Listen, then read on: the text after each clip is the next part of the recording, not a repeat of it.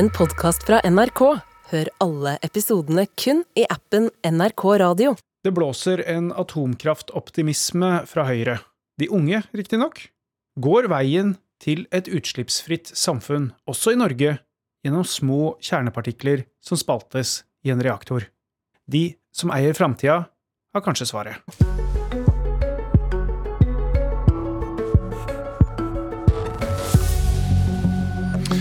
Unge Høyre vil ta Norge inn i atomkraftalderen.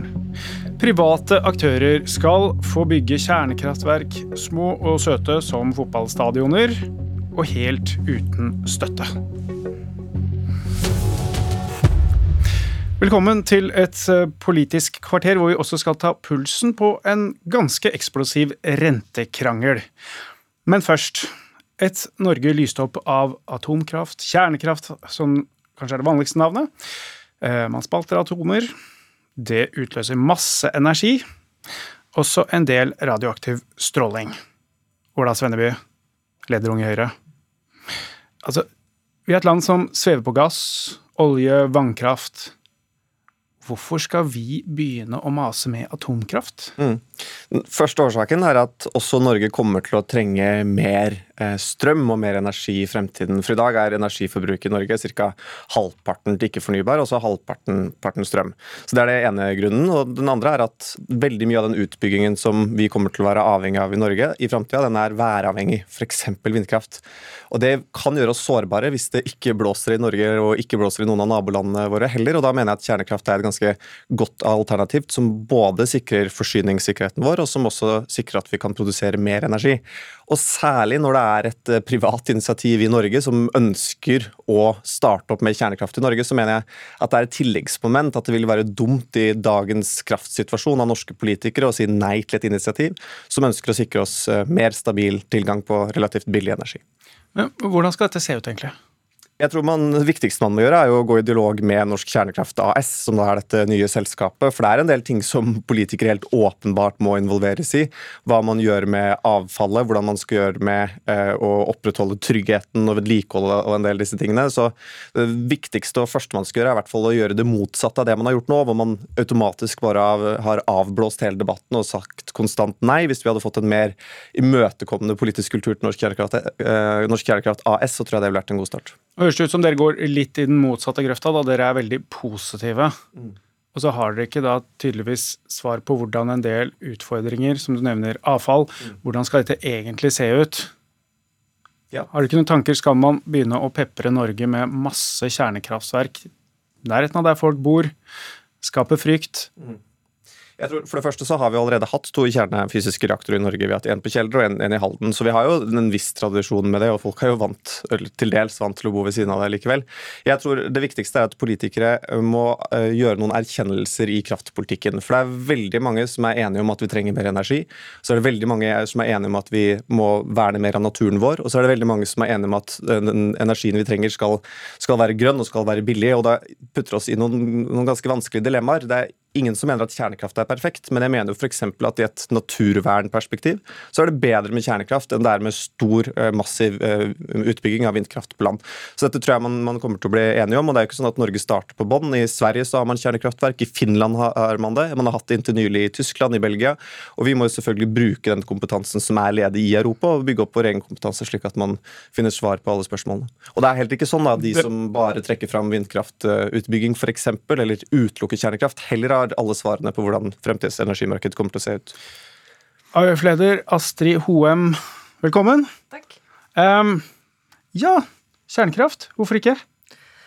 Vi er skeptiske av flere grunner. En av de viktigste er jo at det tar ekstremt lang tid. Eh, altså, Ola nevner Finland. Finland har nå brukt 15 år, men har fortsatt ikke liksom et fullskala kjernekraftanlegg i gang.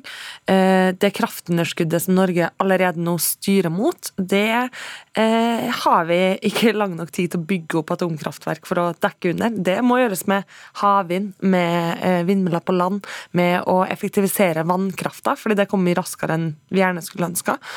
Og så er jo det andre er jo at i Norge så har vi kompetanse og fortrinn på det som er naturressursene våre. Jeg tror det er dumt å binde opp uh, kompetanse over tid som vi burde ha brukt i å bygge ut den fornybare kraften vår, som vi burde ha brukt i det grønne skiftet, i eh, atomkraftverk. Og så blir jeg også veldig skeptisk når forslaget til Unge Høyre er at, at, private kan drive det. Og man kunne godt sagt sånn, hvorfor kan ikke bare de gjøre det hvis staten ikke vil gjøre det? Men det er avfall som skal lagres i tusenvis av år. Det er et såpass stort valg, også for framtidige generasjoner, at jeg er skeptisk til at noen som kan konke på børs i morgen, er dem som skal styre over det. Vil i så fall da være Trond Moen, den rike bergenseren, som skal konke. Ehm, men du sier tida. Tida er det viktigste. Og så snakker du om havvind. Havvind er altså Regjeringen, første tidspunktet de har begynt å love virkelig massiv havvind, det er 2040. Mm. Altså Innen det så kan man ha kjernekraft. Hvorfor er tida da det største? Altså Nå lyser man ut en del konsesjoner og har også selskap som er gode på både vindmøller, som er gode på å drive i Nordsjøen. Eh, vi har kompetanse på det her som gjør at vi kan bli best i verden på havvind. Vi har ikke kompetanse på å drive atomkraft, så det handler både om tida, men også den kompetansen. Så det dreier seg bare om kompetanse, altså? Og hva vi er best på? Det dreier seg om kompetanse, det dreier seg om tid, det dreier seg om at det koster enorme investeringer. Eh, og jeg er i hvert fall ikke villig til å bruke de enorme pengene som det koster, når jeg vet at også Norge, med all den krafta vi kan hente ut av våre naturgitte fortrinn, eh, kan bruke de pengene andre måter. Svenby, eh, dere har jo fått gjennom dette også i moderpartiet, delvis. Gå for dette? Ja, eller Vi hadde i hvert fall en uh, disputt med Unge Høyre og et par andre fylkeslag i Høyre som ønsket at Høyre skulle være mer positivt innstilt til kjernekraft. Jeg tror det er trekke det ganske langt å mene at Høyre sier en, uh, ja til Norsk Kjernekraft AS, for så langt så tyder det på at alle sier nei. Men det er i hvert fall bevegelse i Høyre også. Man har jo også flere fylkeslag som er uh, omtrent like positivt innstilte som Høyre er. Men jeg bare... Så, så sier Erna Solberg som sier fallitterklæring hvis vi går for kjernekraft. Ja, Det er jeg veldig uenig i. og For å ta dette med kompetanse først. da. Altså, Norge har ingen naturgitt kompetanse på batterifabrikker, selv om det er en av de største satsingene. Vi har ingen naturgitt kompetanse på vindkraft heller. Det er kompetanse som man bygger opp underveis, og jeg er helt sikker på at man kan gjøre det samme med kjernekraft også.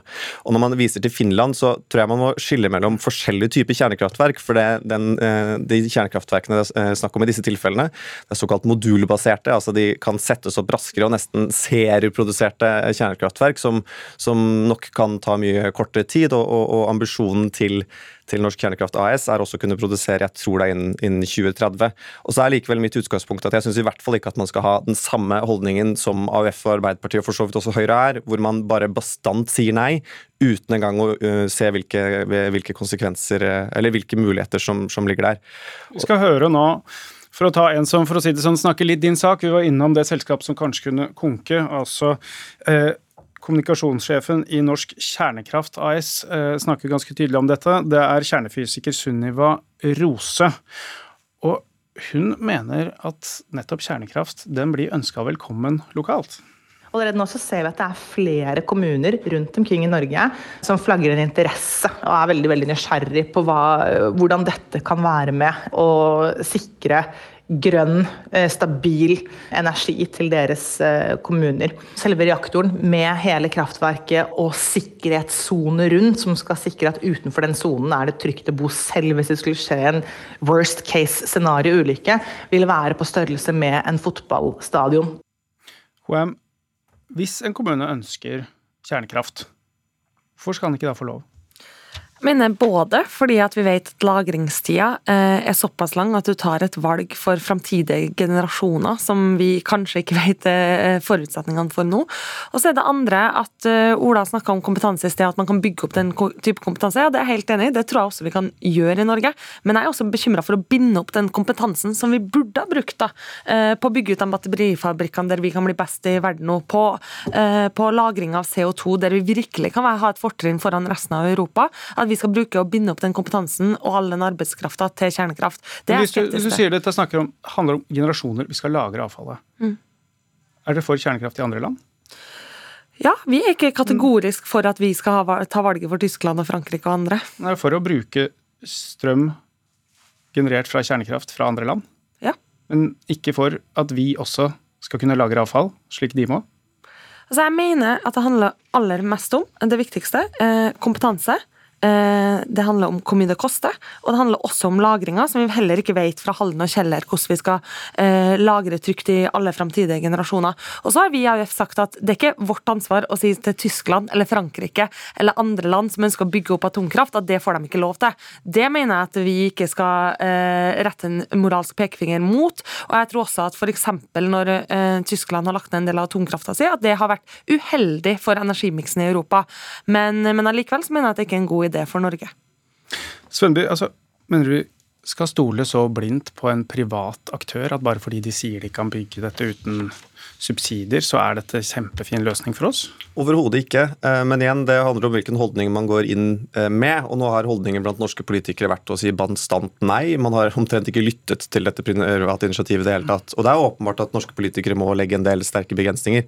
Men jeg er bare uenig i det skillet som Astrid tegner opp. Man fremstiller det som om kjernekraft er det eneste kraftalternativet som får konsekvenser i mange generasjoner. Vindkraft på land vil også ha konsekvenser for mange generasjoner fordi at det er naturinngrep. Og lagring så finner man kan man f.eks. se til Finland, som nå finner en løsning for å lage det permanent. Eh, og man kan også ha en løsning som Norsk Kjernekraft AS har foreslått, hvor en del av deres overskudd, eller en del av deres salg av, eh, av strøm, eh, settes av et fond som skal brukes på å lagre det radioaktive avfallet setter stopp for debatten der, for vi skal gå over fra noe som handler om det som er de veldig lange perspektivene, til noe som er ganske nært. Dreier seg om rente. Har dere boliglån? Ja. Nei. Nei. Da er dere kanskje ikke av de som er så sinte som eh, LO på hvordan Norges Bank setter renta. Vi skal ta overgangen, si tusen takk til Ola Svenneby og, og til AUF-leder Astrid Hoem. Og så skal vi få inn økonomikommentator Cecilie Langum Becker. Og vi starter med å høre noe av det som har irritert LO den siste tiden. Nemlig Ida Wolden Bakke, sentralbanksjefen, og det hun gjør tidvis. Norges Banks komité for pengepolitikk og finansiell stabilitet har enstemmig besluttet å heve styringsrenten med 0,5 prosentenheter. Dette var et opptak fra i høst, hvor eh, sentralbanksjefen nok en gang satte opp renta. Og i dag kommer det nok en rentebeslutning. Eh, men vi skal snakke om de litt lengre rentelinjene, for LO har klaga høylytt på at Norges Bank har satt renta høyere og høyere. LO har pressa fram å få et utvalg som skal se på dette. De skal Finansdepartementet setter ned, og de skal da komme med en konklusjon hvor LO selv sitter og bidrar. Og ønsker at Norges Bank skal i praksis kanskje sette en lavere rente i den situasjonen vi sitter nå. Eh, Cecilie Langen Becker, økonomikommentator i NRK. Hvor betent er denne konflikten? Det er jo, um, eh, startet jo egentlig med LOs sjeføkonom Roger Bjørnstad, som har vært ganske åpen i kritikken sin mot Norges Bank. Eh, og Det pekes på en måte på at Norges Bank har ikke tillit til at frontfagsmodellen fungerer. Eh, de bruker rentevåpenet for mye, og så på, på, sikt så kan det da svekke frontfagsmodellen, mener LO. Og Det de viser til, er jo bl.a. at mye av prisveksten vi har her i Norge, den er importert fra utlandet. Den kan vi ikke få bukt med gjennom for høy disse veldig sterke rentehevingene som LO mener. Da. Eh, og så mener LO også at det er ikke fare for lønns- og prisspiraler, sånn som sentralbanksjef Ida Wolden Bakke har pekt på flere ganger, fordi eh, det naturlig lar seg stoppe gjennom frontfagsmodellen. fordi der har man et partssamarbeid eh, som tar hensyn til nettopp det. Så det er ganske Det er litt sånn uvanlig. altså det er, ikke, det er ikke første gangen den diskusjonen kommer opp fra LO, men LO har kjørt ganske hardt hele, hele fjoråret mot disse rentene rentehevingene. Hva er det som er endelig målet til LHR? Altså, LO ønsker jo at, eh, at, Norges Bank skal eh, holdt jeg på å si, besinne seg, eh, trå mer varsomt og, og heller se og, og, vente og se litt mer. F.eks. vente og se hvordan dette lønnsoppgjøret spiller seg ut. Så har du økonomen på den andre siden igjen som mener at dette lønnsoppgjøret kommer til å bli mye heftigere enn det Norges Bank ligger inne med sine prognoser. sånn at det, det er jo flere sider av denne diskusjonen eller konflikten. Men med å presse fram dette utvalget Ønsker de å få en mer instruksjon av Norges Bank, som jo nå er en helt uavhengig institusjon? Altså, det, det, kan jo selvfølgelig hende, men det er jo ikke det som er premisset for dette utvalget. Premisset for det utvalget det er jo, eh, det er jo på en måte å sette møte litt mer den diskusjonen som har vært rundt hele frontfagsmodellen, som har vært under kraftig press bl.a. fra en del grupper i offentlig sektor.